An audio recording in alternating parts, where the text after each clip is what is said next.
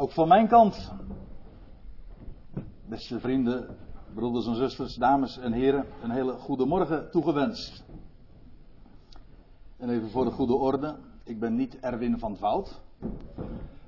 Teleurstelling natuurlijk als u daarvoor gekomen bent. Ik ben André Piet, maar dat uh, wisten de meesten wellicht al. En ik wil vanmorgen, Erwin was verhinderd en vandaar dus dat ik nu hier sta. En ik ben blij dat ik hier mag zijn en ik ben ook blij dat ik vanmorgen eens de aandacht mag vragen voor een onderwerp wat voor velen onbekend is. Ik ga het hebben over het geloof van Christus. En als u helemaal blind gaat op de NBG-vertaling, de vertaling die veronderstel ik de meeste mensen hier nog zullen gebruiken, dan kom je die uitdrukking zelfs niet ene keer tegen. En dat is heel erg jammer. Want ik zal u vertellen dat de uitdrukking, het geloof van Christus, als je het in het origineel, in de grondtekst kijkt, zoals dat ooit is opgetekend door de Bijbelschrijvers, komt die uitdrukking maar liefst acht keer voor op zeven verschillende schriftplaatsen. En ik heb het eventjes in schemaatje gezet. En u ziet ook dat in de tweede kolom dat de Statenvertaling het bijna altijd goed weergeeft. Die spreekt wel over het geloof van Christus. En hoe geeft de MBG-vertaling dat dan weer? Wel meestal met het, nee niet meestal, maar altijd met het geloof in Christus. En dan denk je misschien in eerste instantie, ja, en is dat zo'n groot verschil? Het geloof in Christus, het geloof van Christus. Ja, dat is een wereld van verschil. En daar wil ik u vanmorgen graag eens op wijzen. Ik wil ook al die schriftplaatsen die hier genoemd worden, zo, uh, uiteraard niet al te langzaam, maar ik wil ze in elk geval wel even de revue laten passeren, zodat we van Romeinen 3 uiteindelijk bij Filippenzen 3 zullen uitkomen. Wat, wat is het verschil? Het geloof in Christus, dat is ons geloof in Hem. Maar het geloof van Christus, dat is zijn geloof.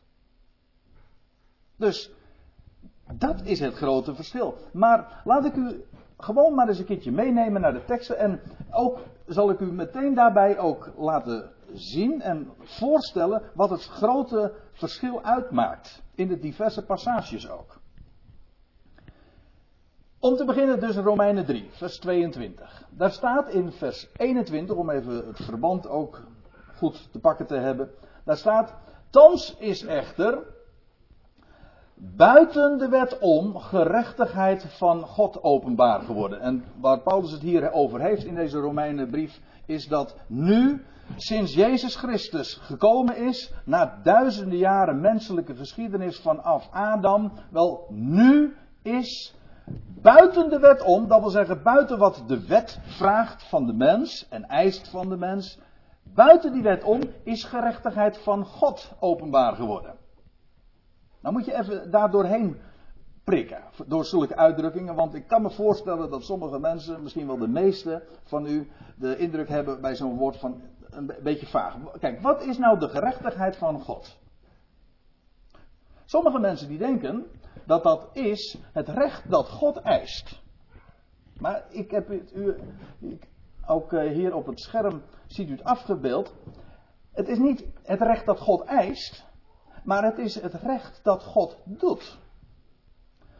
Kijk, dat is eigenlijk heel, het is heel logisch. Als ik het heb over de barmhartigheid van God, dan praat ik dan heb je het over het feit dat God zelf barmhartig is. Of ik heb het over de liefde van God, dan heb ik het over het feit dat God zelf liefde heeft en geeft. Nou, ja. En de goedheid van God, dat is niet de goedheid die God eist, nee, dat is de goedheid van God zelf. Nou, zo is het met de gerechtigheid van God ook. De gerechtigheid van God is de, het recht dat Hij zelf doet. En dan moet je nog even vragen nog een vraag stellen van recht waaraan dan? Je moet altijd de goede vraag stellen. Recht waaraan dan? Dat is de volgende vraag. Nou, het antwoord is, en ik zal dat ook nog laten zien vanuit de volgende verse. Het is het recht dat God doet aan zijn belofte.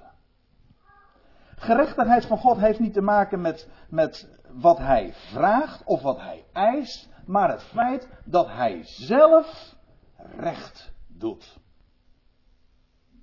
Aan zijn woord. God heeft beloofd. En als Gods gerechtigheid openbaar wordt, dan betekent dat dat openbaar is geworden dat hij recht doet aan zijn belofte. Oftewel, hij vervult dat wat hij had beloofd en had aangekondigd. Dat is de, het openbaar worden van de gerechtigheid van God. Hij vervult zijn belofte.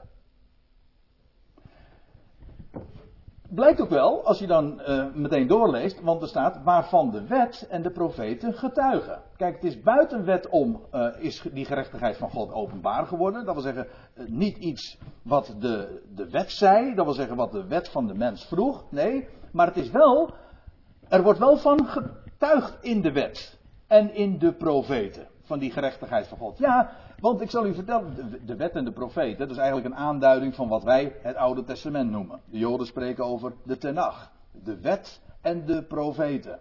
Wel, die wet en die profeten, die spreken van de gerechtigheid van God. Dat wil zeggen dat God recht zal doen aan zijn woord, aan zijn belofte. Heel die Bijbel, de Tenach, het Oude Testament, staat vol van die beloften. Ook de wet trouwens. Uiteindelijk is die wet niet een woord waarin gesproken wordt over wat de mens zou moeten doen, maar het is een aankondiging van wat God belooft. Dat is de diepere laag onder het gij zult. Gij zult de Heere uw God liefhebben. Of gij zult uw naaste liefhebben. Om meteen maar de belangrijkste te noemen. Dat betekent uiteindelijk en ten diepste niet je moet de Heer je God lief hebben. Of je moet je naaste lief hebben. Dat is, dat is de eis. En daaraan kan een mens niet voldoen. Nee, het is een aankondiging. Het is een belofte. God zegt: Jullie zullen de Heere uw God lief hebben. En jullie zullen je naaste lief hebben. Je zult niet langer echt breken. Je zult niet stelen. Dat is een aankondiging, dat is een belofte. Uiteindelijk is die wet dus, als je het helemaal goed beschouwt, een belofte. En als straks die bedekking wordt weggenomen voor, voor Israël, dan zullen ze dat ook gaan ontdekken. De belofte van God. Goed, ik, ga even verder, want ik, want ik wil bij die uitdrukking het geloof van Jezus Christus komen. Want er staat er, en wel, het gaat hier dus over gerechtigheid van God, door het geloof, en nou staat er in de MBG-vertaling, in, maar dat mag je, mag je gerust voor mij doorkrassen. U zegt misschien, ik ga niet krassen in mijn Bijbeltje. Oké, dat moet u zelf weten. Maar ik wil u er wel op wijzen dat hier echt het woordje van staat. En als u een statenvertaling hebt, dan staat het keurig ook vermeld. Dan hoef, dan hoef je dus sowieso niks te krassen, omdat het daar correct is weergegeven. Zo heeft Paulus het ooit opgetekend. Gerechtigheid van God niet door, het, door ons geloof in Jezus Christus. Nee, Nee, Gods gerechtigheid, die is openbaar geworden door het geloof van Jezus Christus. Het gaat niet om ons geloof. Het gaat om zijn geloof. Dat wil zeggen het geloof van Jezus Christus. En weet u, zo'n vraag eh, moet je je dan ook stellen. Het geloof van Jezus Christus. Waarin is dat dan gebleken? Geloofde Jezus Christus? Jazeker. Het Nieuwe Testament spreekt daar heel wat keren over. Over de weg van geloof die Jezus hier op aarde is gegaan. Hij was mens, hij heeft zich vernederd en hij hoe staat het? Hij, heeft, hij was ooit in de gestalte van God, hij heeft zich vernederd en, en, en hij heeft zich ontledigd en hij heeft zich vernederd en heeft de gestalte van een slaaf aangenomen. En staat er dan, en hij is gehoorzaam geworden tot de dood, ja, tot de dood van het kruis. Of ik zal nog een schriftplaats noemen. In Hebreeën 12, daar staat Jezus, daar wordt gesproken over hem, Jezus, de, de, de, mens, de naam van de mens die hier op aarde wandelde. Jezus, de leidsman en de voleinder van het geloof. Hij die zelf geleefd heeft in geloof. Blijkt ook wel, want als u nou verdoorleest, dan staat er, die, Jezus dus, die om de vreugde welke voor hem lag, het kruis op zich genomen heeft, de schande niet achtende, en die nu is gezeten ter rechterzijde van de troon van God. Waar hierover gesproken wordt is over het geloof dat Jezus zelf hier op aarde had. Waarom heeft hij het kruis op zich genomen? Was dat, dat, waarom is hij die weg gegaan? Nou, het antwoord wordt hier gegeven. Dat deed hij omdat hij geloofde in wat God beloofd had. Hij keek uit naar de vreugde welke hem was voorgesteld. Hij wist dat de dood niet het laatste woord zou hebben. Hij wist, hij heeft ook trouwens altijd gezegd, diverse keren lees je dat in de Evangelie, altijd als hij zijn dood aankondigde, voegde hij eraan toe dat hij zou opstaan uit de doden.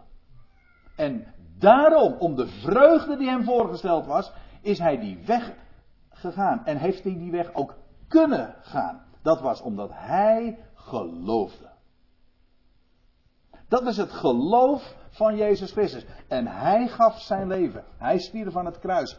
En hij stond op uit de doden. En zo, hij bracht leven aan het licht. Ja, voor wie? Ja, voor de mensheid.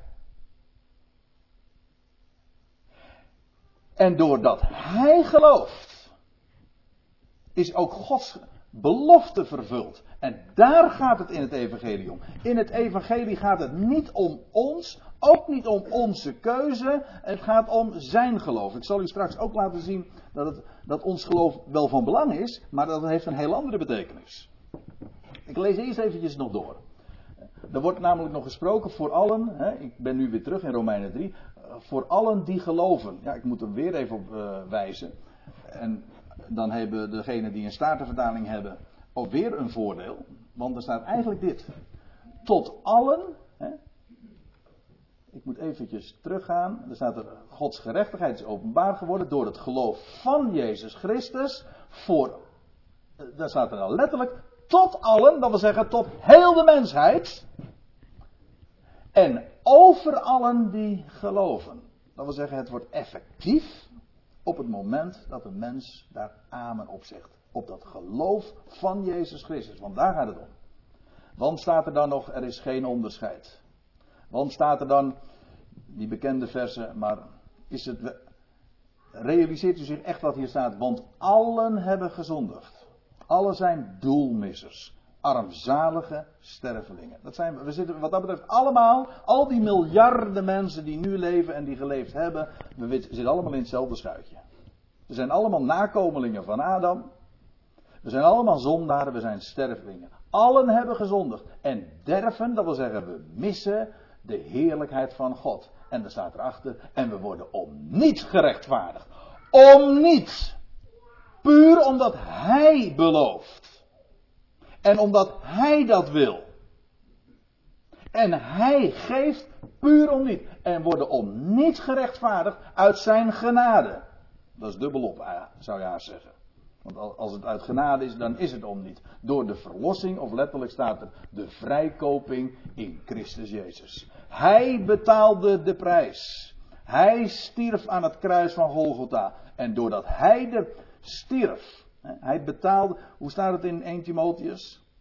Dat Christus Jezus zichzelf gegeven heeft tot een losprijs voor alle mensen. En de prijs is betaald. Alle mensen zijn gekocht en betaald door het bloed van Christus Jezus. Door de verlossing in Christus Jezus. Kijk, dat is het geloof van Jezus Christus. Daar geloven wij in. Niet ons geloof, dat stelt niet zoveel voor. Als het erop aankomt. Of wel soms. Ik weet niet hoe een hoge pet u op hebt van, van uw eigen geloof. Maar soms kan er maar dit te gebeuren in je leven. En je hoort een slecht bericht. En dan, waar, waar is dan het geloof gebleven? Dat vertrouwen in Hem. Slecht gaat met de gezondheid. Of je hoort dingen in verband met het werk. Of in de familie. Er kunnen zomaar dingen gebeuren waar ineens blijkt dat dat geloof van ons zo flinterdun is. En dan moet je zeggen, ja, als je, stel je voor dat, dat ons heil gebaseerd zou zijn op ons geloof. Alsjeblieft mensen, dat is het niet. En daarom is het, wat ik vanmorgen vertel, dat is maar niet een kwestie van een voorzetseltje hoor, in of van. Want dat boeit niet. Nee, wat, maar wat boeit is een blijde boodschap. Kijk, waar het om gaat is, de bodem van ons leven is niet onze keuze, ons geloof. Nee, nee, dat is zijn geloof. Dat is de basis. En daar mogen wij in geloven. En dat, daarom is dat, dat is goed nieuws voor alle mensen die inmiddels de ontdekking hebben gedaan dat hun eigen geloof niet zoveel voorstelt. En, dan heb ik, en het goede nieuws is, dat het daar ook helemaal niet om gaat, het gaat om zijn geloof. Ik ga verder. Nog een, eh, een schriftplaats waar, waar dat uh, in de MBG-vertaling niet uit de verf komt. Daar wordt gesproken over dat God zijn rechtvaardigheid zou tonen in de tegenwoordige tijd, zodat hij zelf rechtvaardig is. Niet ook als hij, nee. En hem rechtvaardig die uit het geloof van Jezus is. Hier weer een streep door dat in. Er staat door het geloof van Jezus. God rechtvaardig, is rechtvaardig. Niet ook als hij hem rechtvaardigt, want dat suggereert nog weer een beetje van, ja, uh, God is ook rechtvaardig, ondanks als hij ons rechtvaardigt. Nee, zo is het niet. God is recht. Als God de mens rechtvaardigt, dat wil zeggen rechtvaardig verklaart, vrijspreekt, dan is dat, dan is dat niet via een achterdeurtje toch nog rechtvaardig of zo. Nee, dan is dat juist, juist een bewijs van zijn rechtvaardigheid. Dat is namelijk de vervulling van zijn belofte. Hier weer dus het geloof van Jezus. Ik ga, ik ga nu nog even verder bladeren, Galaten 2, vers 16.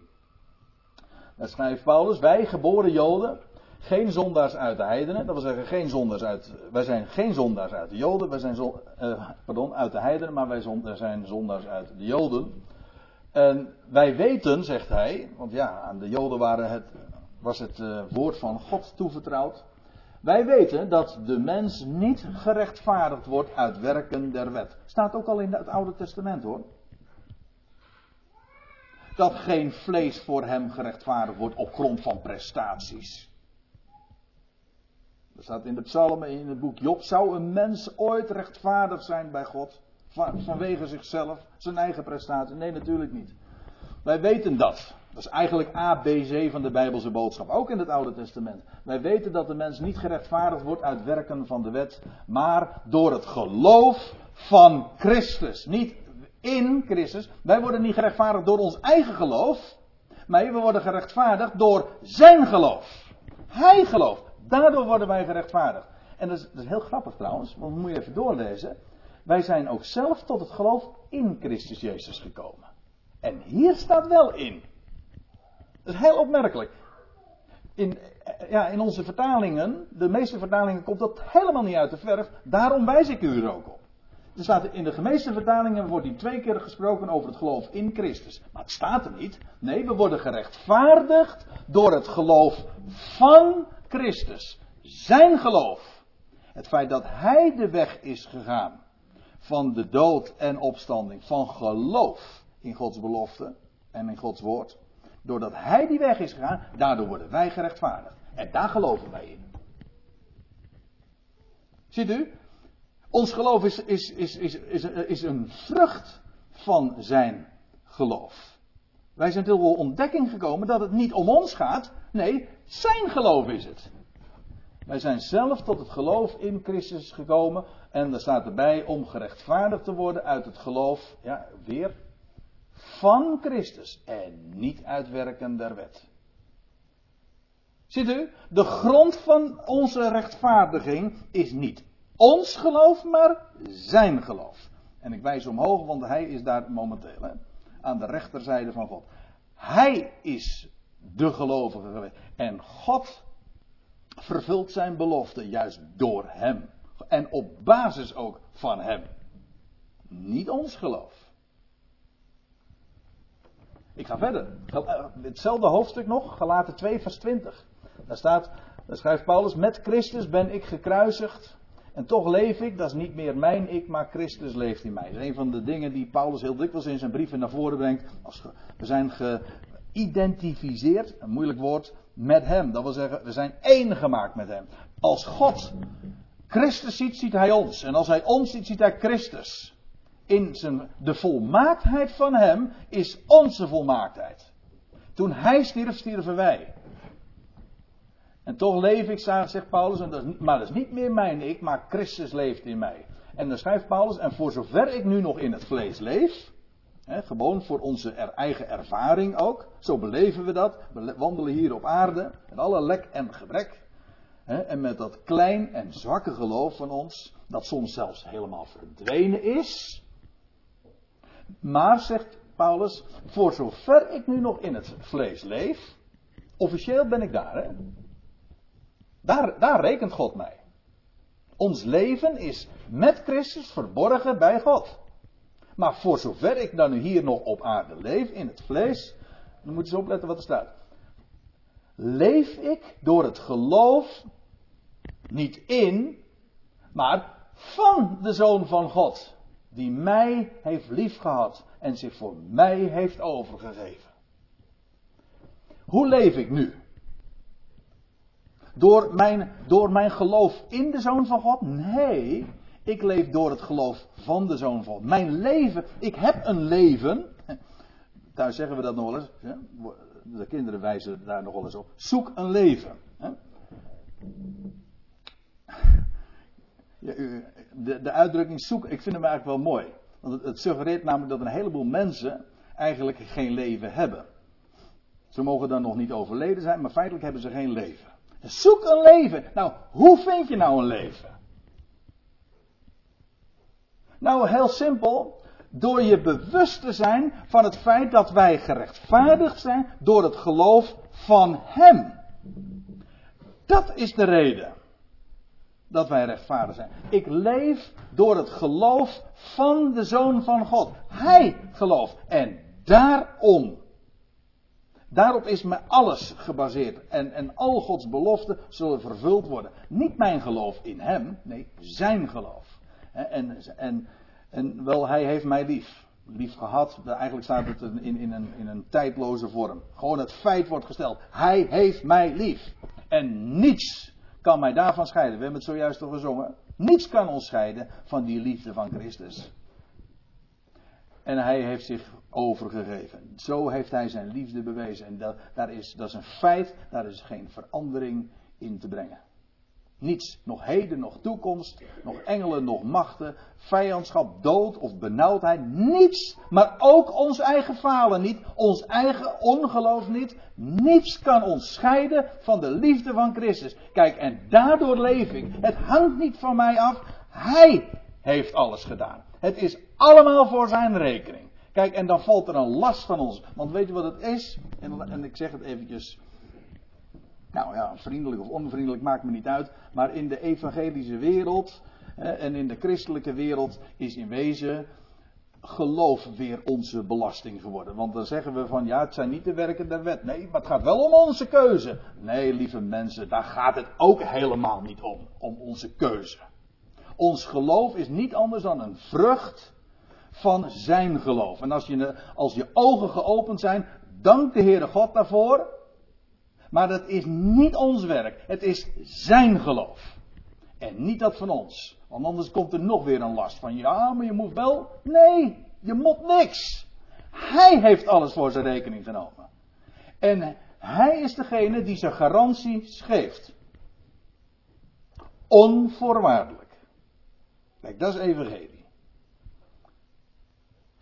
We gaan nog even verder. Galaten 3, vers 22. Nee, schrijft Paulus dan. Hij legt daar een heleboel dingen uit. Het gaat me nu even niet om het verband. Maar er staat, de schrift heeft alles besloten onder de zonde. Dat wil zeggen, wat ik zojuist al zei. De hele mensheid gewoon. We zitten allemaal in hetzelfde vaarwater. In hetzelfde schuitje. Alles is besloten onder de zonde. God staat in Romeinen 11 ook. God heeft allen onder de zonde besloten. En er staat erachter om zich over allen te ontfermen. Daarom. Het is zijn werk. Het is allemaal in overeenstemming met zijn plan. Maar let even op, opdat ten gevolge van het geloof, niet in, maar het geloof van Jezus Christus, de belofte, het deel zou worden van hen die geloven. Dat is waar. Maar het is zijn geloof. Niet ons geloof, maar zijn geloof. Het geloof van Jezus Christus zou de, de belofte, het deel worden van hen die geloven. Daar geloven we in. Daar gaat het om, ja. Goed, ik ga weer even verder. Efeze 3, vers 12. Is trouwens de enige schriftplaats waarin ook de Statenvertaling helaas in de fout is gegaan. En het niet heeft consequent heeft weergegeven met van. Uh, ik, ik, begin even in vers 11 te lezen. Daar schrijft Paulus over het eeuwige voornemen. Nou ja, weet u eigenlijk wat er echt staat? Het voornemen der eeuwen. Het is niet, het, is niet uh, zo dat, dat God zich iets al eeuwig voorneemt of zo. Je, je, hebt uh, van die mensen die van die eeuwige voornemens altijd hebben. Dat wil zeggen, dat blijft een voornemen. Dat is net als met politici die zo veelbelovend zijn. En meestal blijven ze dat ook. Ze blijven veelbelovend. Ja. Maar daar gaan we het niet over hebben. Ik, we, gaan, we zijn in Den Haag, maar we gaan het vandaag niet over politiek hebben. We hebben en, over, en als we het hebben over trouw en betrouwbaarheid, geloof enzovoorts. Nou, dan moeten we het niet van de mensen hebben. Ook niet prinsen, hè, vest op prinsen geen betrouwen. Want dat is het niet hoor. Toch? Nee, alsjeblieft, daar hebben we het niet over. Het hebben we het over het geloof, de trouw en de betrouwbaarheid van Hem. Maar even, eventjes terug naar die uitdrukking. Het gaat over het voornemen der eeuwen. Letterlijk de, het voornemen, het, anders gezegd, het plan van de Ionen. God heeft een plan. Hij is de schepper van alles. Hij heeft een, voordat hij, voordat de eeuwen aanvingen, de Ionen, die wereldtijdperken een begin hadden, had hij een plan. En alles wat er gebeurt, is in overeenstemming met zijn gemaakt bestek. Met zijn plan. Er gaat nooit iets mis. Hij is namelijk God. Hij zet alles op zijn plek. En hij heeft ook een tijdsbestek voor alles uitgemeten. Alles is gepland. Alles is naar het voornemen van hem. Eh, God heeft dat, dus dat plan der eeuwen dat hij in. En hoe doet hij dat wel? Dat hij in Christus Jezus, onze Heer, heeft uitgevoerd. Ook hier weer tijdloos hoor. Dat wil zeggen, hij voert dat in Jezus Christus uit. En dan staat erbij, in wie wij de vrijmoedigheid en de toegang met vertrouwen hebben door het geloof van Hem. Waardoor hebben wij vrijmoedigheid? Waardoor gaan wij met, met een gerust hart en vrijmoedig tot Hem? Als dat zou zijn vanwege ons geloof in Hem, dan, zou, dan, dan gaat die vrijmoedigheid verdwijnt. Want ons geloof in Hem stelt niet zoveel voor. Daar gaat het ook helemaal niet om. Het gaat om het geloof van Hem. En dat geeft mij vrijmoedigheid, want ik heb daar veel fiducie in. In zijn vertrouwen. In, in het geloof van Hem. Daar geloof ik in. Dat is grond waar ik op kan staan. Daar zak je niet doorheen. Alles van mezelf wel. Dat is nu eenmaal de mens eigen. Alle vlees is als gras als een bloem in het veld. Het gras verdort, de bloem valt af. Ja, de, de mens en al zijn schoonheid en zijn plannen enzovoort. Dat, dat is van voorbijgaande aard, maar het woord van hem. Dat houdt stand. Ja. Wij hebben vrijmoedigheid. Waarom? Wel vanwege hem. Het, door het geloof van Jezus Christus. En dan komen we tenslotte in de laatste schriftplaats, Filippenzen 3 waar we ook de uitdrukking het geloof van Christus tegenkomen. Dat wil zeggen in de grondtekst, zoals Paulus het heeft opgetekend. Is het opgevallen dat alle schriftplaatsen die we nu vanmorgen passeren, dat ze allemaal uit de brieven van Paulus komen. Het is met name het, het geweldige nieuws van hem. van hoe, zoals Paulus dat heeft laten zien, dat alles gebaseerd is. Niet op ons geloof, op iets van Hem, van onszelf, maar alles van Hem. Filippenzen 3. Ik begin te lezen vanaf vers 8. Daar schrijft Paulus voorzeker. Ik acht zelfs alle schade. Opdat de kennis van Christus Jezus, mijn Heer, alles te boven gaat. Paulus had net in de voorgaande versen verteld waar hij als mens zeg maar op kon bogen. Hij, was, hij zegt, ik ben, ik ben eh, een Israëliet, de stam van Benjamin, op de achtste dag besneden. Hij is naar de ijver der wet een fariseer. Nou ja, allemaal, hij noemt allemaal dingen op die zeg maar op zijn konto staan. En waar, waar hij zich als mens op zou kunnen beroemen. Hij zegt, maar ik heb het allemaal schade geacht. Hij zegt, of uh, zoals de andere vertalingen zegt, voor drek, vuilnis. Ik kan het nog lelijker zeggen, want het schijnt, er, schijnt hier echt geen mooi woord voor te staan. Maar laten we het eventjes voor wat het is. Ik heb het allemaal schade en drek geacht. Op, omdat de kennis van Christus Jezus, de, mijn Heere, mijn Heere, dat alles te boven gaat. Waar ik als mens op zou kunnen bogen, blijkt van nul en geen allerlei waarde te zijn op het moment dat je het afzet tegen het kennen van Hem. En je realiseert dat Zijn geloof de basis is voor alles. En ook een garantie. Waar niets aan afgedaan kan worden.